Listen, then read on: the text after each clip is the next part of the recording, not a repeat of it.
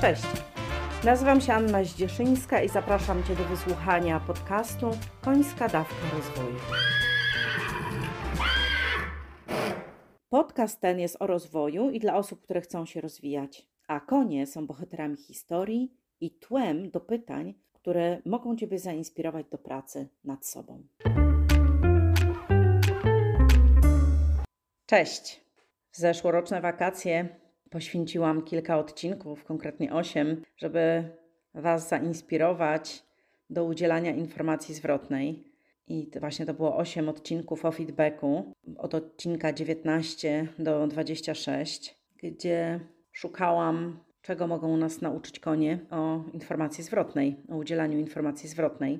A tegoroczne wakacje, nie wiem jeszcze ile będzie odcinków, na razie już mam zaplanowanych 5, ale tegoroczne wakacje chcę poświęcić czego konie mogą nas nauczyć o przywództwie. I dzisiaj taki odcinek wstępny, pierwszy, ale też z inspiracjami dla Ciebie, ponieważ konie mają pewien system przywództwa i w odcinkach będę dzielić się po pierwsze swoimi obserwacjami, swoimi doświadczeniami, po drugie trochę z przyrodniczych artykułów będę czerpała informacje z różnych źródeł też naukowych i będę próbowała tutaj zasiać w tobie ziarenka, które potem wykiełkują być może innym spojrzeniem na przywództwo.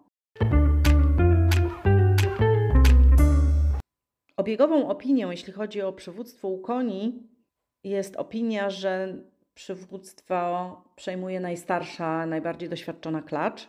Doświadczenia, przynajmniej moje, pokazują, że często jest na czele stada, czy prowadzi stado w pewnym kierunku doświadczona klacz. Natomiast z moich obserwacji wynika, że u koni jest jednak dwuwładza, że klacz, która zna różne drogi, czyli ma to doświadczenie, dała stadu dużo źrebaków, jest wysoko w hierarchii tego stada i w związku z tym wie też, gdzie jest najlepsza trawa, gdzie jest woda, Mówię oczywiście o takiej sytuacji, gdzie konie żyją dziko albo mają dużą przestrzeń.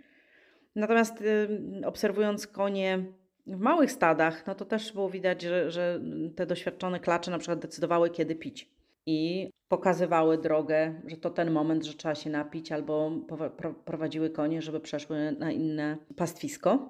Natomiast ta dwuwładza to jest właśnie klacz, która prowadzi, i ogier, który pilnuje, ogier, który czuwa, Czasami staje na wzgórzu, albo jak zwierzęta odpoczywają, to on jest najbardziej czujny, rozgląda się i też w charakterystyczny sposób stoi często tyłem do stada, a przodem ewentualnie do niebezpieczeństwa.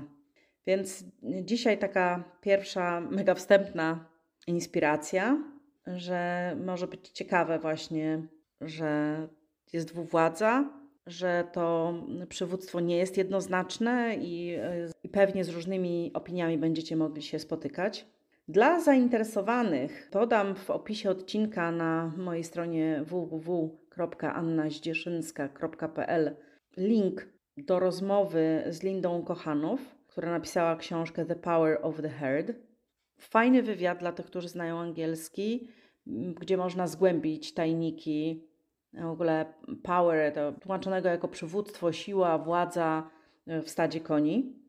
Kolejne odcinki będą dotyczyły przywództwa, które nazwę przed, za, z boku i demokracja, czyli będą cztery odcinki o różnych stylach przywództwa, ale również o tym, jakie cechy mają konie przywódcze i czego to wszystko może nas nauczyć dla naszego przywództwa.